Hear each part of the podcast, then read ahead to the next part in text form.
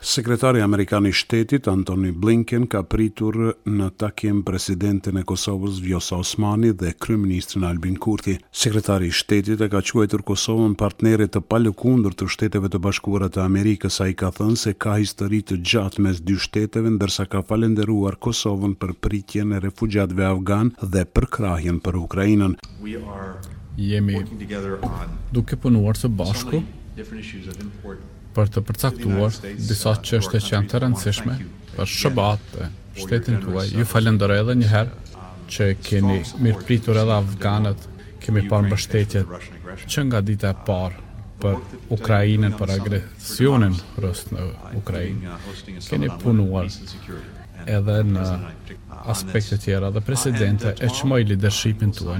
Ndërsa, Presidentja Vjosa Osmani tha se partneriteti i Kosovës me SHBA-në është ekzistencial për shtetin tonë. Osmani tha se Rusia është duke tentuar ta destabilizojë rajonin e Ballkanit, prandaj prania e SHBA-së është e domosdoshme. Jemi të kënaqur që të bashkëpunojmë me ju si për të punuar në front për të mbrojtur demokracinë, dhe vlerat tona të përbashkëta. I mirëpresim së bashku me kryministrin për të diskutuar reformat, në veçanti në sundimin e ligjit, një njëkohësisht, mbështetjen që kemi pranuar nga SHBA-të në fushën e mbrojtjes, sepse siç e dini, 23, pasi që është çliruar Kosova, është duke shkuar krah për krah me ushtarët amerikanë në misione paqëruajtëse. Kryeministri Albin Kurti ka falënderuar SHBA-në për kontributin e dhënë për Kosovën. Ai ka thënë se kanë kërkuar investime amerikane në Kosovë. Treguam se si Kosova është një rrëfim suksesi në mënyrë të dyfishtë. Së pari është rrëfim suksesi i punës dhe qëndrueshmërisë së popullit dhe i ndërhyrjes së NATO-s për ta ndalur gjenocidin e Serbisë në Kosovë. Dhe së dyti është rrëfim suksesi i një demokracie cilësore e cila shkon bashkë me zhvillimin ekonomik.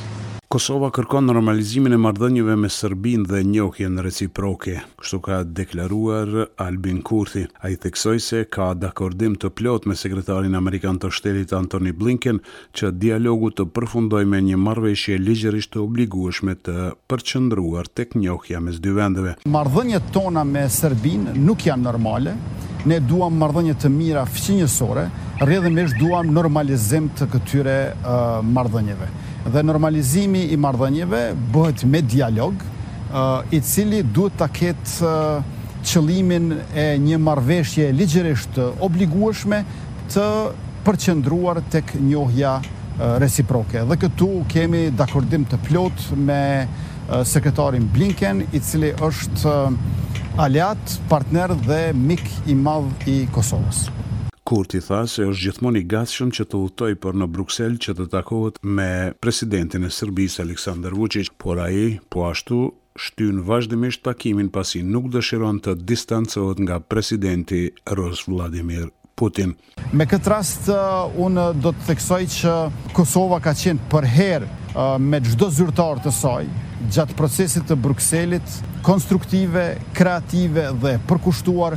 Sekretari Blinken kërkoi që ne edhe më tej të jemi të tillë, ne do të vazhdojmë të jemi të tillë Por është Beogradi ai i cili po punon kundër marrëveshjeve dhe kundër marrëdhënieve të mira fqinjësore, ndërkohë që ne jemi konstruktiv dhe këtë Brukseli tashmë e ka regjistruar. Pra në vend se të ndodhë takimi me nëntëmbëdhjetë korrik, tash shpresohet që mbase do të mbahet në fund të gushtit. Është nënshkruar marrëveshja për programin kompakt në vlerë të përgjithshme prej dyqind e tridhjetë e gjashtë milion e shtatëqind mijë dollarësh ndërmjet Kosovës dhe MCC-së në Uashington. Nënshkrimi është bërë në një ceremoni të organizuar në Kongresin Amerikan nga Alice Albright, shefe ekzekutive e MCC-së dhe Artane Rizvanolli, ministre e Ekonomisë. Ndërkaq kryeministri Albin Kurti njëzet e shtatë korrikun e vlerësoi si datë historike për vendin duke shtuar se kjo marrëveshje vjen në një moment të rëndësishëm për Kosovën. E për sa i përket zbatimit të marrëveshjes kryeministri Kurti potencoi se do të lëvizet sa më shpejt që është e mundur për shkak të krizës energjetike.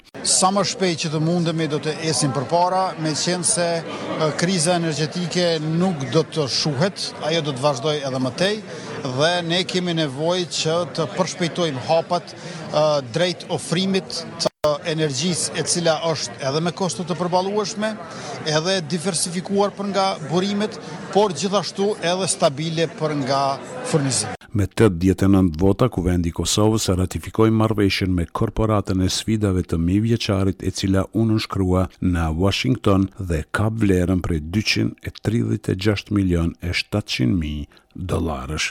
Nga e hëna, një gusht, shtetasit e Serbisë që do të hyjnë në Kosovë do të pajisen me një dokument hyrje-dalje pasi nuk do të mund të kalojnë me dokumentet e tyre. Vendimi nis zbatimin mbi bazën e vendimit të qeverisë nga mbledhja e tetëdhjetë e pestë të saj ku qeveria ka marrë vendim që të aplikojë reciprocitetin ndaj qytetarëve të Serbisë përsa i përket dokumenteve zyrtare të identifikimit. Kjo është konfirmuar nga vetë kryeministri Kurti. Nga e hona, të gjithë ata të cilët kanë dokumente të lëshuara nga Serbia dhe duan që të hyjnë në Kosovë, ne do t'i pajisim me një dokument të veçantë i cili tregon që ata do të mund të lëvizin lirisht në Republikën e Kosovës. Kjo është një masë që ne e marrim njëmbëdhjetë vjet pasi që këtë tashmë e ka ndërmarrë Serbia, ndërkaq sa i përket atyre targave të kohës së Millosheviqit, Serbia vetë e ka pranuar në Bruksel që ato duhet të marrin fund, mirëpo duket që po i pengon zbatimi.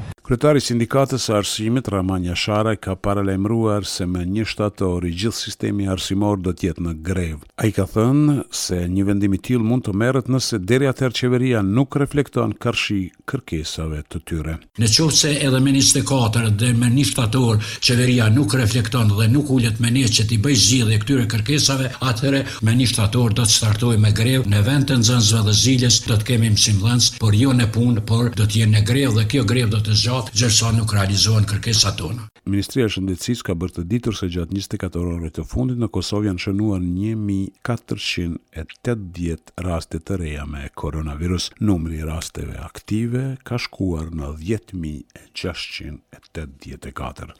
Për Radio SBS Mendoza, Prishtinë.